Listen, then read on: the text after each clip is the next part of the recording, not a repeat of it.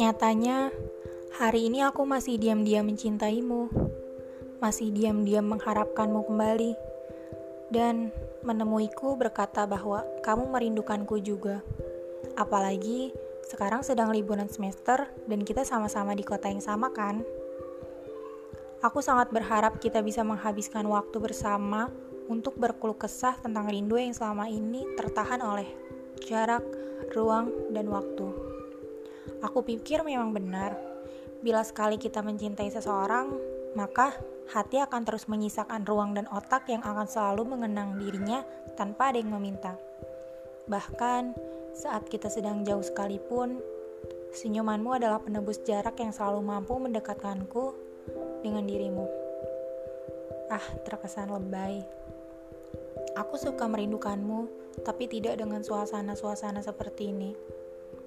Kamu mungkin gak sadar, di tengah lelapmu, aku membisikkan namamu pada bibir langit, yang kemudian akan didengar oleh Tuhan rumah pemilik semesta, bahwa dengan doa, aku mampu menjagamu meski dalam keadaan tersulit.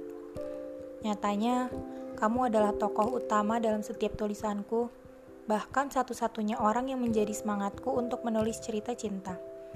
Sering aku berpikir, mungkinkah kamu akan membaca semuanya dan sadar bahwa aku benar-benar cinta. Jika saja kamu menemukan podcast ini, percayalah bahwa kamu adalah orang yang selalu kukenang di atas kertas, yang selalu kutemui dalam mimpi, yang selalu kunantikan kedatangannya di depan pintu, dan tampaknya aku masih belum lelah. Ya, aku memang masih belum lelah mencintaimu. Namun aku lelah berkata bahwa aku sudah tidak lagi seperti itu. Aku lelah berpura-pura melupakanmu.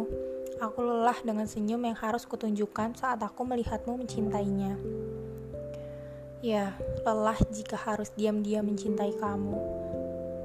Tapi, bukankah lebih baik seperti ini?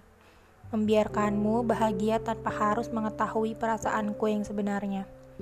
Lagi pula, tidak ada bedanya. Kamu mengetahuinya atau tidak, tetap sama saja ya hatimu memang tidak pernah untuk kumiliki.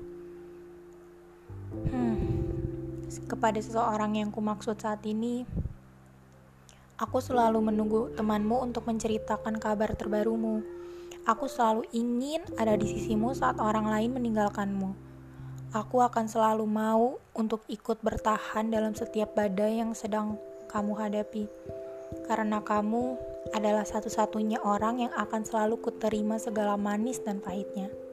Dan nyatanya, aku diam-diam akan tetap mencintaimu.